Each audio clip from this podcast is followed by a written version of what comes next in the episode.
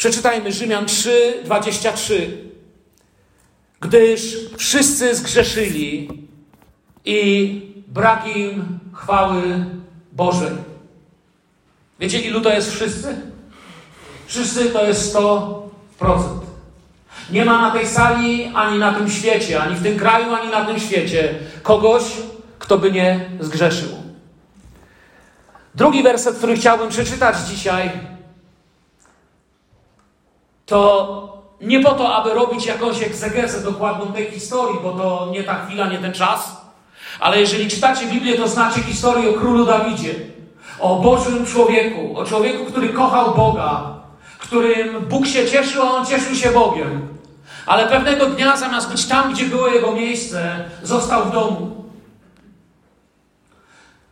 Nudząc się w domu, zaczął podglądać ukradkiem, możecie to sobie przeczytać w Biblii, kąpiącą się nagą kobietę, do której zapałało jego pożądanie.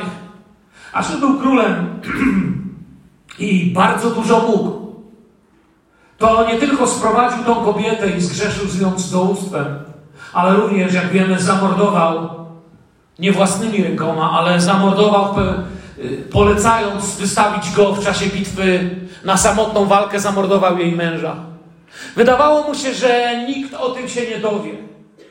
Kiedy pewny tego, że nikt nie widzi, nikt nie wie, doszło do niego słowo prorocze od proroka Natana. I pamiętamy tą historię w drugiej księdze Samuela, gdzie wyobrażam sobie ten długi, gruby palec Natana, który mu wskazywał prosto w nos. To ty. I Bóg widzi. Może myślisz, że nikt nie widzi, ale Bóg widzi. I druga księga Samuela 12:9 mówi: Dlaczego więc zgardziłeś słowem Pana, popełniając zło w oczach Jego? Uriasza Hetejczyka zabiłeś mieczem, jego żonę wziąłeś sobie za żonę, jego zaś zabiłeś mieczem Amonitów. I jak mówię, nie chcę dzisiaj się zajmować tą historią, ale bardziej tym pierwszym słowem, pierwszą częścią tego wersetu. Dlaczego więc wzgardziłeś słowem Pana? Myślę, że to jest doskonała definicja słowa grzech, szczególnie w życiu osoby wierzącej. Do tego później jeszcze wrócę.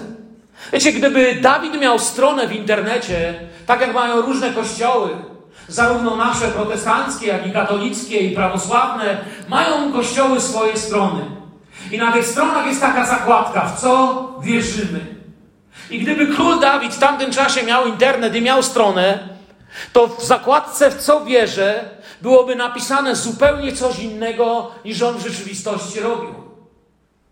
Na naszej stronie jest napisane, że wierzymy, i tam jest cała lista tego, w co wierzymy i dlaczego w to wierzymy i gdzie to znajdujemy w Biblii, ale czasami nasze życie przeczy temu, co mówimy, że w to wierzymy. Prawda o mnie jest czasami najtrudniejszą prawdą w życiu.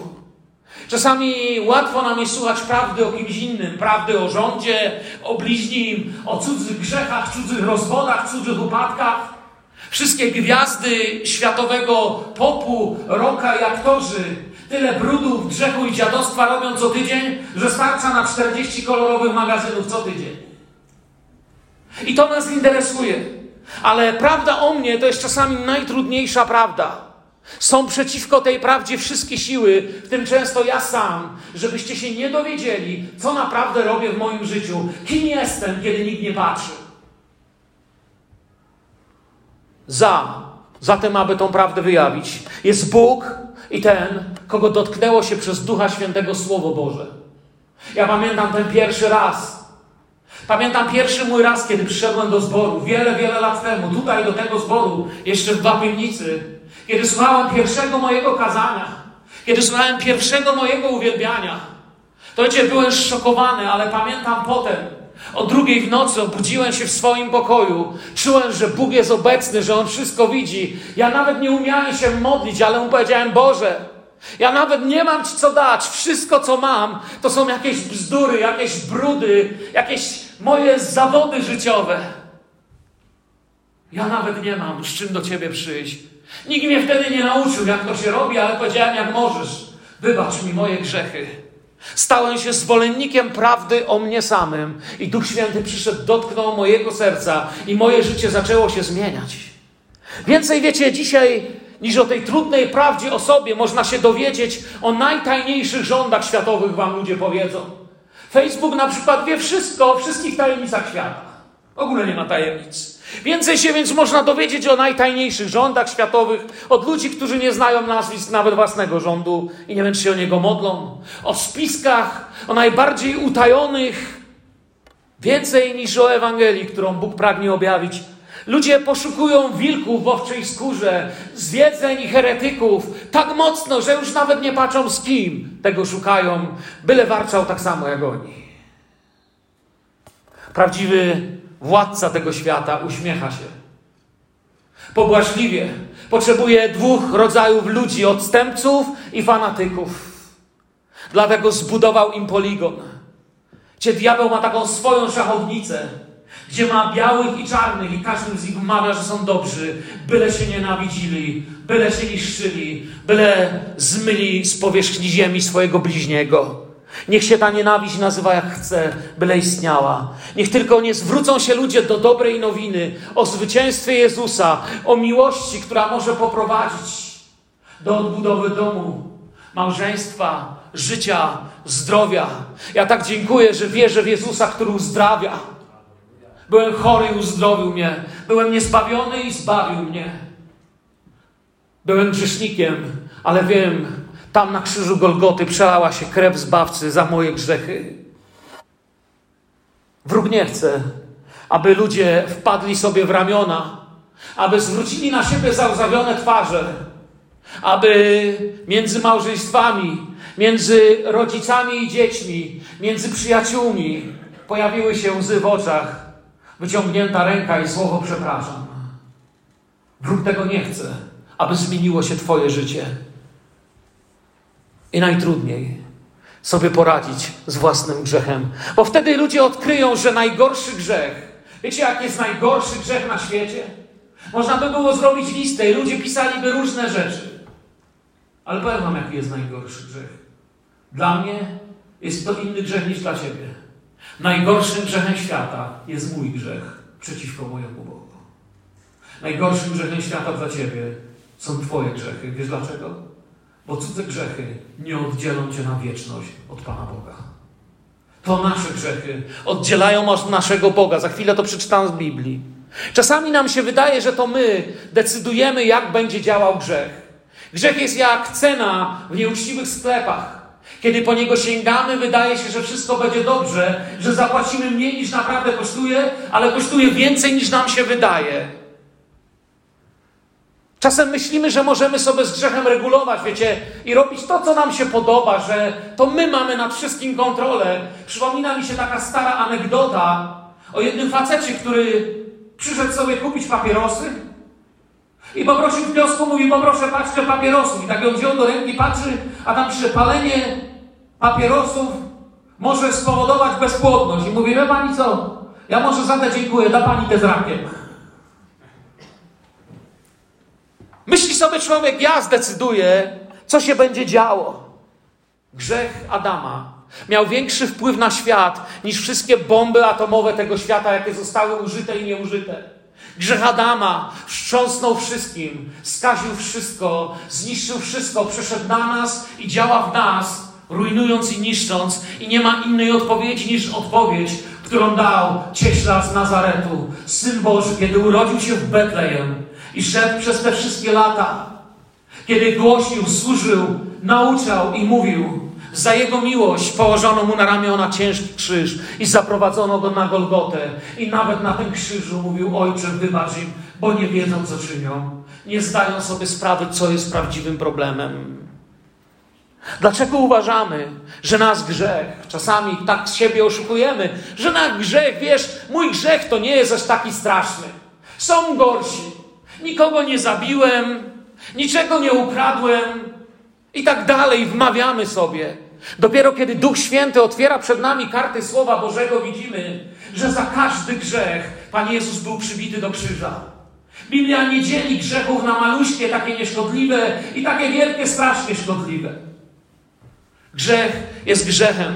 Za każdy grzech Syn Boży był przybity do krzyża. Oczywiście są bardziej wstrząsające i straszne grzechy w naszym sposobie patrzenia, ale ogólnie jasno możemy powiedzieć, nie ma jakiegoś grzechu, na który Bóg by przytaknął i powiedział, no nie przejmuj się to. Każdy grzech przybił go do krzyża. My myślimy, mój grzech nie jest taki straszny. Ale miejmy dziś odwagę pomyśleć o sobie, nie chować się w jakichś religijnych krzakach, bo chodzę do kościoła. Sami wiemy, kto czyta Biblię, że chodzenie do kościoła guzik pomaga. Chodzenie do kościoła jeszcze nikogo nie uratowało i nie zmieniło. To, że gdzieś chodzisz, to nic nie zmienia. Pytanie jest, kim naprawdę jestem? Kim jestem ja? Ja mogę do Was głosić kazania. Mogę być Waszym pastorem. Ale jeśli będę nieuczciwy finansowo i moralnie, będę złodziejem czy cudzołożnikiem, to wy możecie tego nie wiedzieć. Ale to, co stąd mówię, to będą tylko słowa. Moja śmierć będzie dokonana w tym, kim naprawdę jestem, a nie to, gdzie się zapisałem. Odwaga to stan serca, nie stan mięśni. Odwaga to stan serca, które ma odwagę przyjść do Boga i powiedzieć: Panie Boże, zbaw mnie grzesznika, ratuj mnie z mojej grzeszności. I wiecie, potrzeba odwagi jest widoczna na świecie zaraz po tym, jak się pojawił grzech. Już pierwsi ludzie złapani na grzechu, pamiętacie co robili? Adam z Ewą i z tym głupim wężem tam stali. I dobrze, że wąż nie miał rąk, bo też by na kogoś palcem pokazał, ale Pan Bóg mu zabrał. Nie wiem do końca, jak z nim było, wiem jedno. Adam mówi, to nie ja, to ona. A ona mówi, a to, to nie ja, to ten wąż. I tak jest do dzisiaj. Byliście kiedyś na sprawie rozwodowej w sądzie? Ci sami ludzie, którzy wcale nie tak dawno wcześniej szeptali sobie miłosne zaklęcia i mówili, że na zawsze będą szczęśliwi. Są dotknięci jadem grzechu na tym świecie. I wiecie co mówią? Wychodzi on i mówi, to nie moja wina, to wszystko ona, ona, ona, bo ja, bo ja, bo ja i same dobre rzeczy. Zło, to wszystko ona. Potem wychodzi ona i mówi, to nie ja, to wszystko on. I tak wygląda świat skażony grzechem. Lecz ja dzisiaj nie tyle chcę się zajmować światem, co chcę powiedzieć, jest Kościół, w którym, zobaczcie, modlimy się o tylu chorych. Tylu wśród nas tutaj jest tych, których Bóg ze szpitala wyciągnął, z raka uzdrowił. Widzimy, że cuda Boże działają, że Duch Święty działa. Ale chcę Wam powiedzieć, tylko Kościół, który ma bez grzechu, który ma wyznane grzechy, Ludzie, którzy nie ukrywają swoich brudów i nie udają tego, kim nie są, mają dostęp do Bożego tronu, aby działy się piękne rzeczy. Przed upadkiem w grzech nie chroni nas zapisanie się do kościoła, przynajmniej nie do tego. Jeżeli chcesz iść do nieba przez to, że gdzieś zapisałeś, to ci powiem, zapisanie się do tego kościoła nie ratuje cię przed piekłem. Tylko Jezus ratuje przed piekłem, nie kartoteka w naszym biurze. Tylko krew Syna Bożego, Baranka Bożego może zmyć grzechy. Przed piekłem i przed grzechem i z grzechu nie wyciąga, i przed wiecznością bez Boga nie ratuje przeżycie religijne. To, że kiedyś tam byłeś w kościele. Naprawdę czasami myślimy, że całe przeżycie z Panem Bogiem to pokapać tak się kogoś, jak się urodzi wodą, posypać, jak ma ślub, groszówkami i rzucić łopatką ziemię na trumnę, jak umarł. I o, cała przygoda z Panem Bogiem. Naprawdę myślimy, że po to przyszedł Jezus, żeby tylko z nami tyle przeżyć? My wiemy, że nie, bo wiem, że czytacie Słowo Boże. Jakby to są pytania retoryczne, ale powoli kieruje je do nas powoli. My możemy udawać i krytykować grzech, chrząsać, jakie straszne ci grzesznicy w ogóle teraz na świecie. Możemy udawać, że mamy inne poglądy. Ale tak naprawdę Pan Jezus powiedział tak, że przyjdzie Duch Święty i przekona świat o grzechu, sprawiedliwości i o sądzie.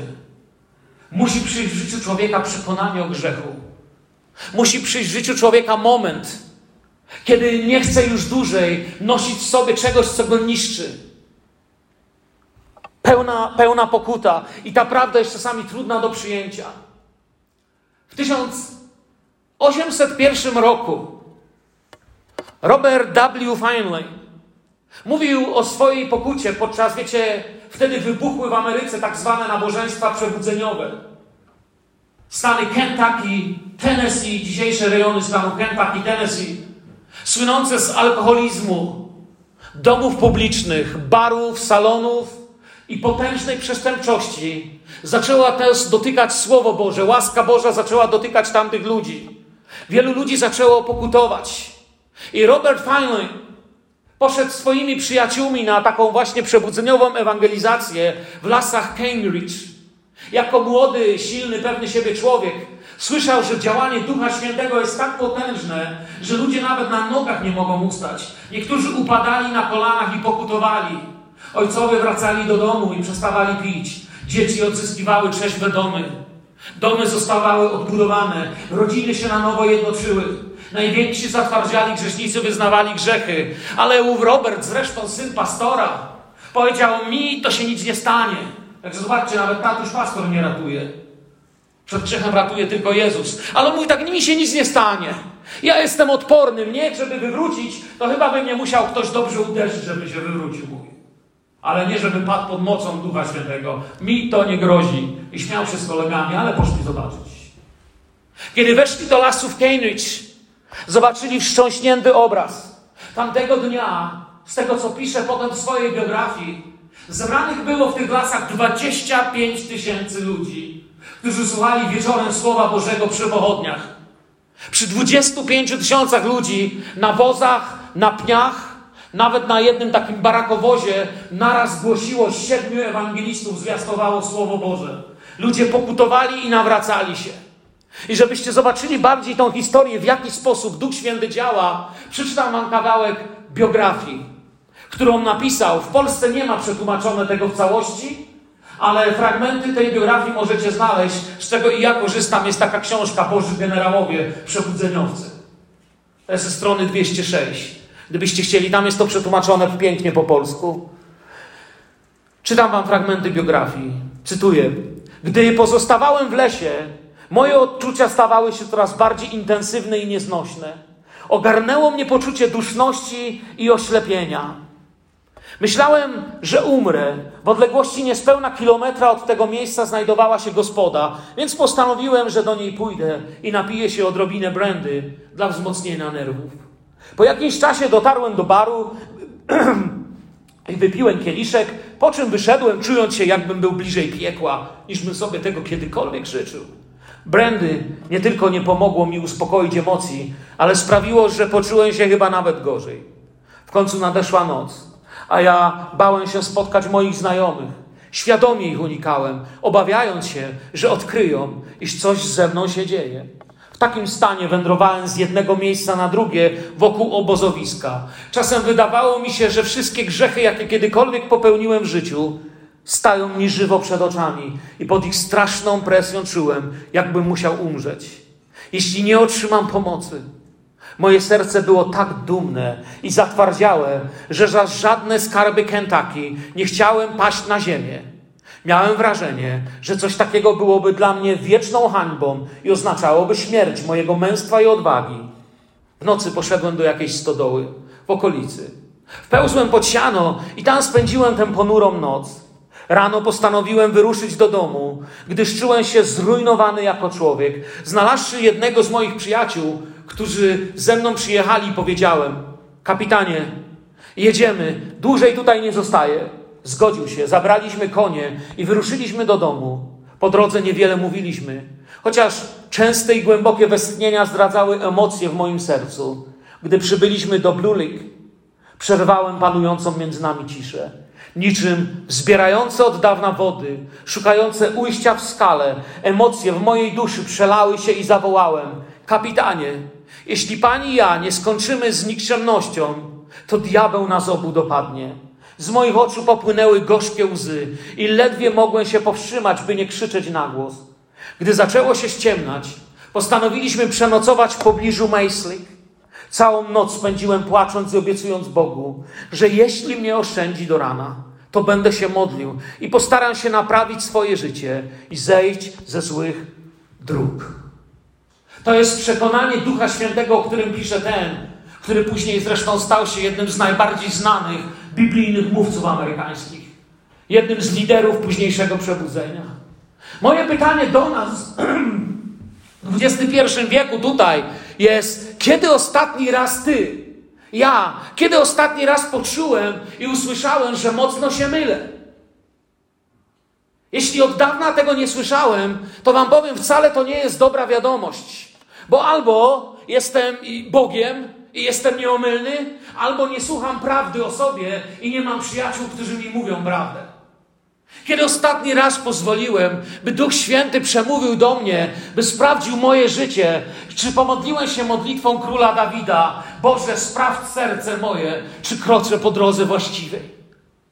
Może sobie wybieram to, co brzmi dla mnie dobrze.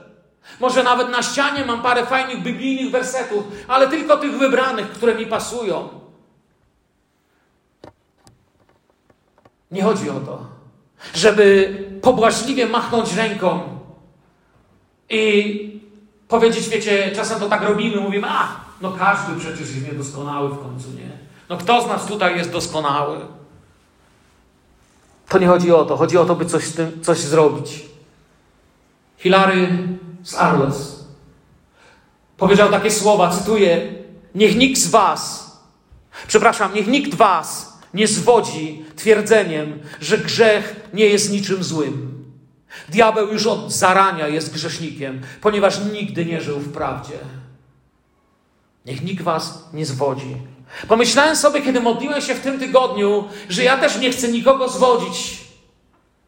Bóg jakoś dotknął mojego serca, kiedy czytałem słowo w tym tygodniu, że pewnego dnia jest takie niebezpieczeństwo, że ci z nas, którzy tu w naszym kościele stają na środku, mogą usłyszeć, że miałeś uszy ludzi przez 40 minut i nigdy im nie powiedziałeś, by zawołali do, do Boga, do Ducha Świętego, aby zaczęli się modlić, by coś Bóg zrobił z ich grzechem. Być może przychodzisz tutaj na te spotkania, udajesz bardzo pobożnego zielonoświątkowca, ale być może w Twoim życiu jest pornografia, być może w Twoim życiu jest kłamstwo, być może w Twoim życiu są ciągłe kłótnie i awantury. Być może jesteś zepsutym plotkarzem. My tego nie wiemy, ale chcę Ci powiedzieć, Duch Święty dziś woła do Ciebie, żebyś zostawił grzech.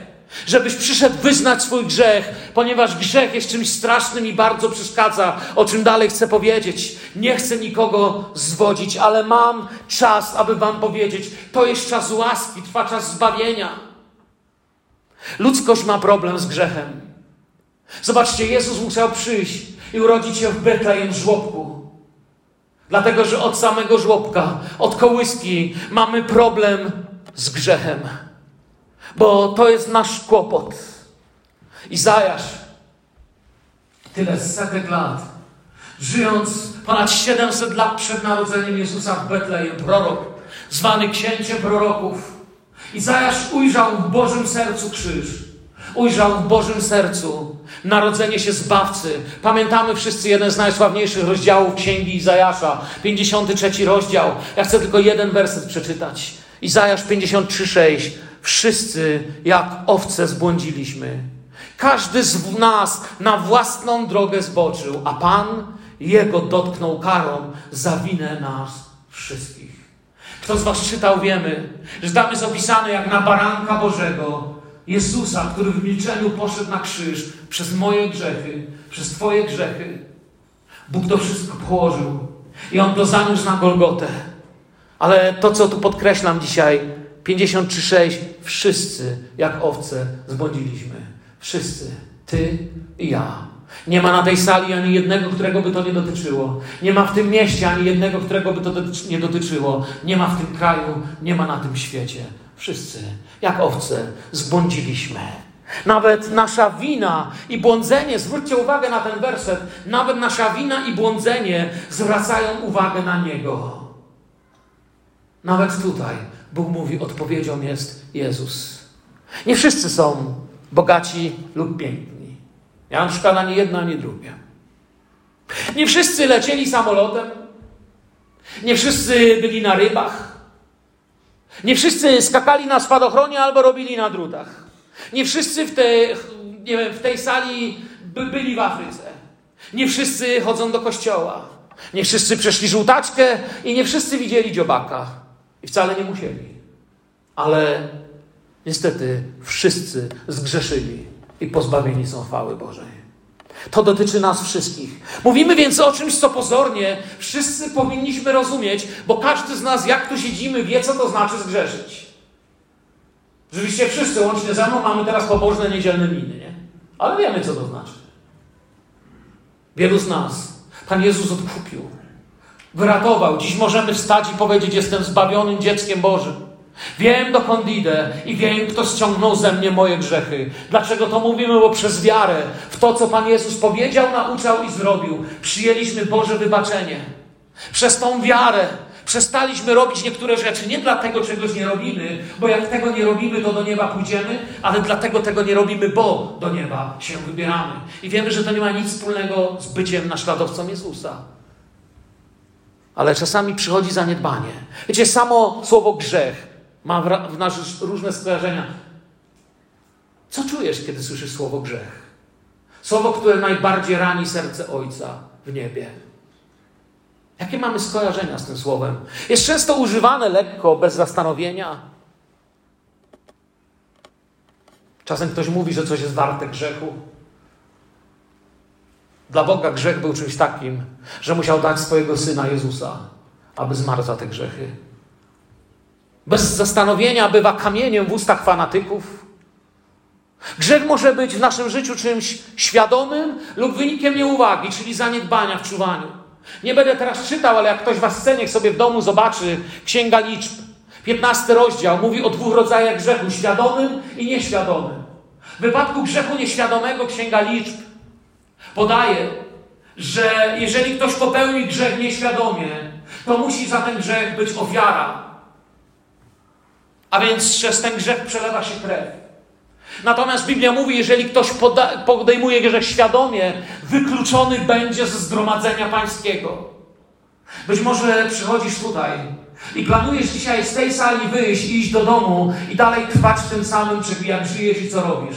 Chcę Ci powiedzieć, jeżeli czujesz dzisiaj, że Duch Święty Ci mówi, że grzech jest w Twoim życiu, to nie wychodź przez te drzwi, zanim nie wyznasz swojego grzechu. Nie mów Bogu, że Cię to nie obchodzi. No może nie powiemy tego słowami, ale zachowaniem. Nieświadomy grzech wymaga ewangelizacji dobrej nowiny o ofierze. I tą ofiarą jest Jezus. Świadomy wyłącza nas ze zgromadzenia. I dlatego Biblia mówi, że dzieci, jeśli ktoś zgrzeszy, jeśli gdzieś ci się zdarzyło odpaść, to wracaj, to dlatego jest historia o marnotrawnym synu. To dlatego jest tyle innych historii przepięknych w Biblii, które mówią: Bóg mówi, jest czas łaski, czekam na ciebie. Jego ramiona są ciągle tak rozłożone, jak były na krzyżu, kiedy był do niego przybity, ale on żyje. Jezus nie już na krzyżu, Jezus nie jest grobie, Jezus żyje i czeka na każdego, kto chce do niego przyjść. Stąd szczere wezwanie do rozpoznania, pamiętacie, ciała Chrystusa, kiedy mamy pamiątkę wieczerzy. I zanim bierzemy chleb w czasie komunii, zanim bierzesz kielich, zanim to robimy, to pamiętacie, co czytamy w Biblii? Aby nie wykonywać tego jak niedbale, byle jak. Bez rozpoznania, tam jest niegodnie, chodzi o niedbałość, byle jakość, bez rozpoznawania ciała Chrystusa, czyli bez świadomości tego, że jestem częścią tego, co Chrystus tu zostawił, tego, co czeka, tego, co wzdycha, tego, co mówi przyjdź, Panie Jezu, Kościoła. Bo Kościół jest ciałem Chrystusa. Tak czy inaczej, grzech jest poważnym problemem i nikt nie powinien w nim świadomie trwać. Gdy człowiek naprawdę zobaczy, czym jest życie w stanie grzechu, to zapragnie, żeby z tym skończyć. O, gdyby nam był dany dar, abyśmy nigdy o tym nie zapominali. Wiem, że wielu z Was tutaj przyszło i trwa w Panu, dbacie o swoją czystość, dbacie o swoją świętość. Dlatego właśnie jesteście ludem, który kiedy się modli, to dzieją się Boże rzeczy. Ale mówię do tych z Was, którzy tu siedzicie i teraz Duch Święty dotyka się Was. Przed ludźmi możemy udawać, kogo chcemy. Ja mówię o tych, którzy jesteśmy świadomi teraz, że jest coś nie tak, że coś oddziela mnie od Boga. Ba, ja nawet wiem, co to jest. Duch Święty Ci pokaże. Kiedy mamy to duchowe przekonanie o grzechu, to sprawia, że jesteśmy gotowi nawet na trud i cierpienie. Jesteśmy gotowi nawet trochę, żeby zabolało. Nawet, że nie dostaniemy tego znowu. Choć bardzo, może czasami niektórzy są związani grzechem. to przekonanie od Ducha Świętego powoduje, że już tego nie chcemy. Grzech jest murem, który buduje stworzenie Boże, by oddzielić się od Stwórcy. To jest prawda o grzechu, biblijna. Celem muru jest, aby nie wypełnił się Boży plan dla życia człowieka. Kiedy urodziłeś się, może nawet rodzice ci powiedzieli, że przypadkiem się urodziłeś i w ogóle jesteś niechcący i miałeś nie być. Ale Biblia mówi, że Bóg ma cel i plan dla Twojego życia. Jeżeli się urodziłeś, to na tym świecie jest jedno miejsce, jedno jedyne, pośród milionów, gdzie Bóg mówi: Po to Cię powołałem do życia, po to Cię mam, tu Cię chcę użyć, tu Cię chcę powołać, tu Cię chcę posłać, tu Cię chcę mieć i tu będziesz szczęśliwy, tu będziesz czuł się wypełniony, a nie pusty. Tu będzie Twoja pełnia. Mam dla Ciebie miejsce. Nie jesteś przypadkiem, jesteś dzieckiem Bożym. Jesteś Bożym stworzeniem. Przyjdź do Jezusa, jeżeli dzisiaj jakiś grzech oddziela Cię od Niego, abyś był gotowy Twojej rodzinie i Twoim bliskim też o nich się modlić i zwiastować Słowo. Izajasz w 59 rozdziale napisał 59:2 Lecz wasze winy są tym, co was odłączyło od waszego Boga, a wasze grzechy zasłoniły przed wami jego oblicze, tak że nie słyszy. To jest ten mur. Nie słyszy. Nie możesz doświadczyć cudu. Jeżeli siedzisz tu dzisiaj ze świadomością, jeszcze raz powtarzam, trwania w grzechu Nieważne, czy to jakieś ploteczki, które niszczą Twojego bliźniego, czy pornografia rujnująca Twoją własną duszę. Jeżeli jest coś w Twoim życiu, to nie będziesz miał wpływu na życie innych. Zostałeś powołany, aby opiewać tego, który Cię do zbawienia i do łaski powołał. I tych z Was, którzy dzisiaj są pełni Ducha Świętego i dbają o siebie. Proszę, abyśmy byli Kościołem, którym modli się o innych z nas. Abyśmy byli wszyscy zjednoczeni w tym, by być naprawdę tym, co ogłaszamy, że jesteśmy. Jeżeli nie będziemy tym, do czego powołał nas Jezus, to wiecie, czym będzie nasze ewangelizowanie? Będzie agitacją. Staniemy się jak ludzie, którzy łażą po domach po to, żeby się do nich zapisało więcej ludzi albo żeby więcej ludzi wstąpiło, bo będzie nas dużo. To jest guzik warte, to w ogóle nie jest potrzebne. My nie abitujemy, my ewangelizujemy. Nie abitujemy, żeby nas było więcej, ale ewangelizujemy, bo wierzymy w rzeczywistość nieba, piekła i zbawienia przez Jezusa. Amen? Taka jest nasza prawda. Grzech to jest też terror. Nie może dotknąć samego Boga. Powiecie, grzesznik nie może nic, w sensie Panu Bogu grzesznik guza nie nabije. Już dość było rani synców Syna Bożego. Grzesznik nie może tam dorzucić kamieniem. Co chcę powiedzieć? Grzech jest terrorem w tym sensie, że o ile nie może zło uderzyć w samego Boga, to terroryzuje w ten sposób Boże ojcowskie serce, że grzech rani i niszczy tych, których Bóg kocha. W ten sposób zadaje ranę sercu Ojca. Kto z Was jest rodzicem, to wie, o czym ja mówię, wie, o co mi chodzi w tym przykładzie. Na przykład, jeśli masz synka, chłopczyka, to ty się nie boisz, że cię dwóch kolegów ze starszej klasy pobije, bo są i tak mniejsi od ciebie. Ale jeżeli pobiją twoje dziecko, to cię będzie boleć serce, prawda? Będziesz z tym chciał coś zrobić. Grzech rani, rani i niszczy tych, których Bóg kocha. I w ten sposób zadaje ranę jego sercu, jest terrorem. Nie możesz stać po stronie grzechu. Nie możesz. Cię przypomina mi się, czytałem książkę o XVIII-wiecznym ewangeliście, kiedy był jeszcze niewierzącym człowiekiem, tak bardzo poszukiwał Boga i zgubił się w takiej portowej dzielnicy i podeszła do niego prostytutka. Myślała, że on po prostu szuka sobie towarzystwa na noc. On był wstrząśnięty tym, że nie zna Boga. I ta kobieta podeszła i zaproponowała mu seks za pieniądze. Czyli typowy grzech portowych miast. On spojrzał na nią i wiecie, co mnie poruszyło? On spojrzał i powiedział, a ty jesteś biedna. I się rozpłakał i zaczął płakać nad jej życiem. Ona zaczęła płakać nad swoim życiem. Bóg ich dotknął. I tak dzisiaj My powinniśmy płakać nad życiem tych, których diabeł chce zniszczyć. To jest prawdziwe serce kogoś, kogo dotknął Duch Święty. Grzech Wprowadza duchowy chaos również. Jakby, wiecie, w wielkim mieście, wyobraźcie sobie, nie wiem, Bielsko, Wrocław, Warszawę, Poznań, Gdańsk, wielkie miasta, Katowice. Wyobraźcie sobie, że w takim mieście ktoś nagle włączył wszystkie zielone światła. Wszyscy, wszyscy mają pierwszeństwo i wszystkim wszystko wolno, bo tego przecież to świat dzisiaj. Wkrótce po tym, jakby ktoś włączył wszystkie zielone, to ktoś by musiał włączyć wszystkie czerwone, żeby z tym coś zrobić. Kiedy wszystko wolno, to wkrótce nic nie wolno. I do tego zmierza ten świat. Jeżeli wszędzie włączą zielone, dramat będzie tak duży, że trzeba będzie włączyć wszędzie czerwone, bo grzech czyni nieporządek. Izajasz mówi wiele o wstydzie grzechu. Gdzie można się zdziwić, kiedy sobie wpisałem wyszukiwarkę i przeglądałem Izajasza, Jeremiasza, dwóch wielkich proroków, w jakim znaczeniu używali słowa wstyd. Byłem zaskoczony. Ale jeszcze bardziej mnie zaskoczyło, kiedy Jeremiasz, czyli zaraz po Izajaszu, następny prorok, mówi, to nie będę tego czytał, jakby ktoś chciał sobie potem po nabożeństwie zobaczyć Jeremiasz 6, 15, 8, 12. Mówi o ludziach, którzy doszli w grzechu do takiego miejsca. Mówi, że wy już nawet nie potraficie się rumienić ze wstydu.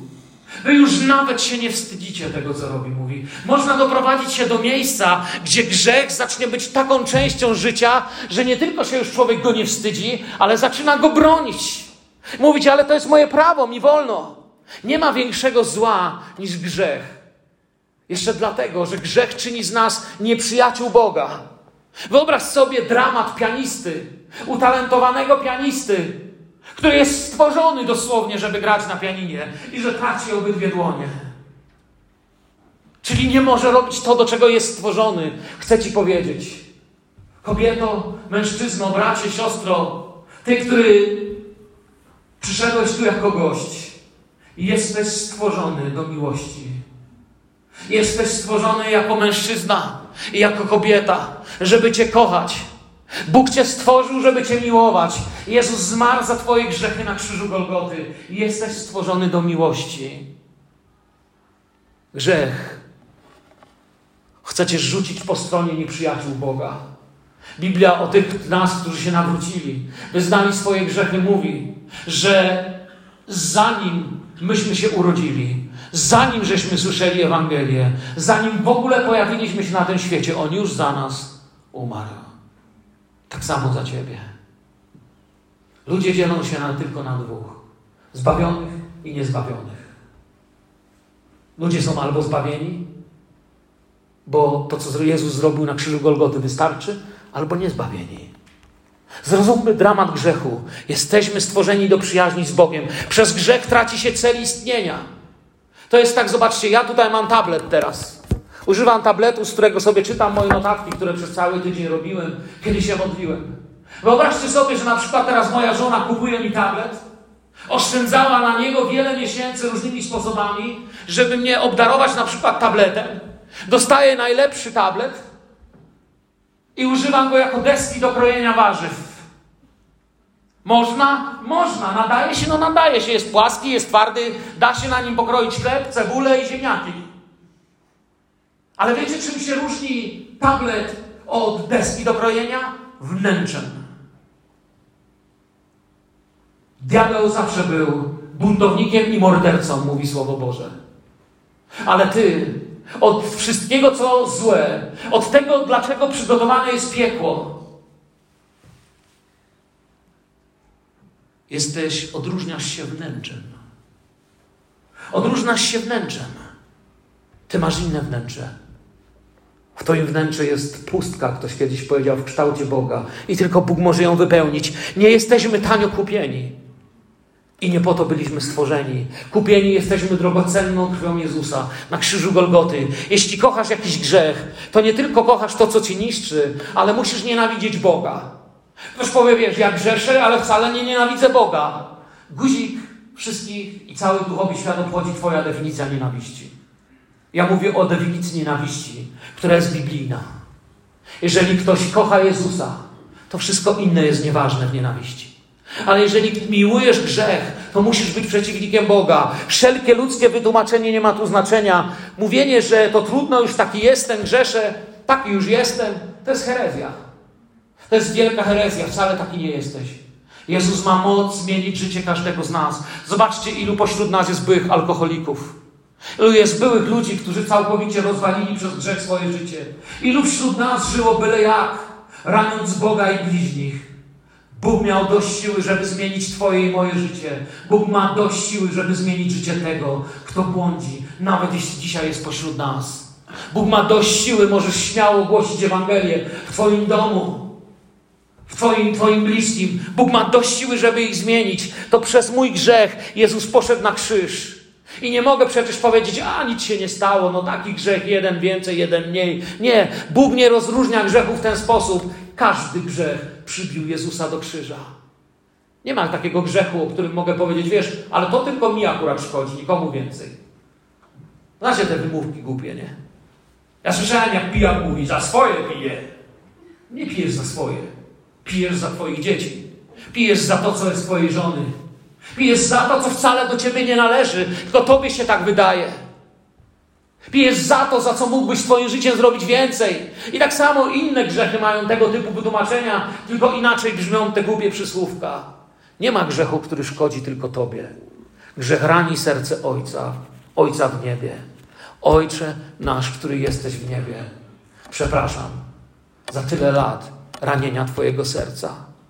Przez grzech poprowadzili Jezusa na sąd do Piłata. Przez grzech z niego kpili i bili go, opluwali. Przez grzech zamordowano go na krzyżu. Grzech to nie abstrakcja. Jeżeli jesteś tu dzisiaj i myślisz sobie tak, skąd chłopie już to kazanie, wracam do domu, ale nie zamierzam przestać się upijać. Nie zamierzam przestać kłamać mojej żony. Nie zamierzam przestać być facetem, z którego diabeł robi szmatę i oglądać pornografię. Nie zamierzam przestać kłamać i plotkować. To ci coś powiem, mówisz dzisiaj Bogu, wychodząc przez te drzwi, zrywam z Tobą Boże. Możesz sobie dochodzić, my tego nie będziemy wiedzieć. Ale Duch Święty budził mnie, żeby powiedzieć nam, jeśli chcemy być kościołem, który ma coś do powiedzenia w tym mieście i w tym kraju, to bądźcie święci, jak ja jestem święty, mówi Jahwe. Bądźcie moim ludem. Jeżeli zamierzasz to zostawić, to mówisz Bogu, zrywam z Tobą. Przeciwnikowi oczywiście się to podoba. On chce, żebyśmy sobie lekko tłumaczyli grzech. Ale grzech jest deklaracją wojny przeciwko Bogu. Między nami i Bogiem jest większa różnica. Słyszycie? Między nami i Bogiem jest większa różnica niż między bombowcem i muchą. Ale to my wywijamy piąstką w górę i wydaje nam się, że możemy podskakiwać. Wracaj pod krzyż, jeżeli jesteś tu dziś. A jeżeli Twoje serce dzisiaj płonie miłością dla Jezusa, jest oczyszczone przez krew baranka, to nigdy nie zapominaj, jest w tym mieście wielu, którzy potrzebują wiedzieć to, co my. My nie jesteśmy tajnym stowarzyszeniem, że wiemy, ale nie powiemy, ale jesteśmy powołani, aby rozgnaczać cnoty tego, który nas do zbawienia powołał. Co na to? Po to tu jesteśmy. Grzech jest wyborem swojej drogi. Mówieniem Bogu, słuchaj Boże, daj sobie spokój ze swoimi planami wobec mnie. Wybieram to, z czym tu przyszedłem. Bo wiesz, nie mam siły, żeby z tym zerwać. Dzisiaj Duch Święty chce Ci powiedzieć, nie oszukujmy siebie. Masz dość siły, żeby z tym zerwać. W objawieniu Jana, w objawieniu Jana Jezus mówi, oto stoję u drzwi i kołaczę. Grzech wyrzuca Jezusa za drzwi. Wybór grzechu to jest przeciwieństwo wiary, czyli niewiara. Kończąc, za chwilę chciałbym się pomodlić. Nikogo z Was nie poproszę tu do przodu, tak jak czasami prosimy na modlitwę. Nikogo nie poproszę nawet, żeby podniósł rękę. Głęboko jestem przekonany, że dzisiaj Duch Święty ma pośród nas ludzi, którzy muszą naprawdę zrobić porządek ze swoim życiem. Nie macie pragnienia, żeby to miejsce zapełniło się tymi, którzy jeszcze dzisiaj bredzą w oparach alkoholu i narkotyków. Żeby się zapełniło mężczyznami i kobietami, który, na których diabeł wypełnia swój plan. Planem diabła dla kobiety jest, żebyś utonęła w depresji, rozczarowaniu, bólu i poniewierce. Panem diabła dla mężczyzny jest, żeby szedł w posikanych spodniach od krawężnika do krawężnika, poniewierany przez szatana, który chcecie zabić. Ale Bóg mówi, ja wiem, jakie mam myśli o was. Powiedział to do narodu wypędzonego w niewolę z powodu grzechu. Mam dla ciebie myśl, myśl o pokoju, nie o niedoli. Mam dla ciebie myśl, aby cię podnieść. Jeżeli jesteś tu dzisiaj w tym miejscu, to wyznaj swój grzech i wyjdź przez te dni drzwi wolny. Idź i powiedz, nie powiem nigdy Jezusowi, że z nim zrywam. To grzechowi dziś mówię, że z nim zrywam. Nie powiem nigdy Bogu, że go zostawiam. Idź jutro do pracy. Włącz komputer do zdalnego nauczania, bo nie mogę powiedzieć do szkoły. Idź jutro swoją drogą i bądź świadkiem, którego życie, którego blask i radość w oczach mówią: Jezus żyje, Jezus zmartwychwstał, bo na to powołani jesteśmy. Powstańmy do modlitwy. Ojcze w niebie, cudowny Zbawicielu, dziękuję Ci dzisiaj za to, że oczyściłeś moje życie przez krew Jezusa. Że grzech nie panuje już nade mną. Że mogę dziś wyznać, że Jezus jest moim Panem i Zbawicielem. Że Jezus jest moim Królem Królów i Panem Panów. Dziękuję Ci, że dotknąłeś mojego życia, życia mojej żony, moich dzieci. Że w naszym domu, rodzinie jesteś najważniejszy. Że wyznajemy Ciebie Panem i Królem. Ale też stajemy, Panie, dzisiaj z sercem, które jest smutne z powodu tych, którzy czerpią w niewoli diabła. Modlę się dzisiaj razem z całym Kościołem, jeśli na tym miejscu jest ktoś, kto chodzi w kajdanach niewidzialnych, ciągnie za sobą niewidzialną, wielką, żelazną kulę grzechu, który go usidla. Wyznajemy dzisiaj pełną wolność i odkupienie. Wyznajemy dzisiaj pełną wolność i odkupienie. Proszę Cię, Panie, dzisiaj dotknij się tego, kto przyszedł tutaj. Musi stąd wyjść i zerwać z tymi okowami. Módl się ze mną dzisiaj. Panie Jezu, wyznaję Ci, że jesteś moją wolnością, moim zbawieniem. Panie, wyznaję Ci, że nie chcę już więcej czynić mojego grzechu. Zrywam z tym, Panie. Idę do domu wolny. Obudź mnie w nocy, aby moje myśli Cię chwaliły. Budź mnie nad ranem, bym szedł wolny do pracy, bym wolny wstępował do szkoły. Panie, proszę Cię o Twoją wolność, przyjdź w moje życie i dotknij mnie. O to Cię proszę, w imię Zbawcy, Zwycięzcy z Golgoty, w imię Jezusa. Amen. Niech ta pieśń zakończy nasze nabożeństwo. Po tej pieśni jest parę drobnych ogłoszeń. Ale teraz z całej siły pomódlmy się. Niech ta pieśń będzie tak jak wszystkie nasze pieśni tutaj. Niech nie będzie tylko pieśnią, ale niech będzie też modlitwą.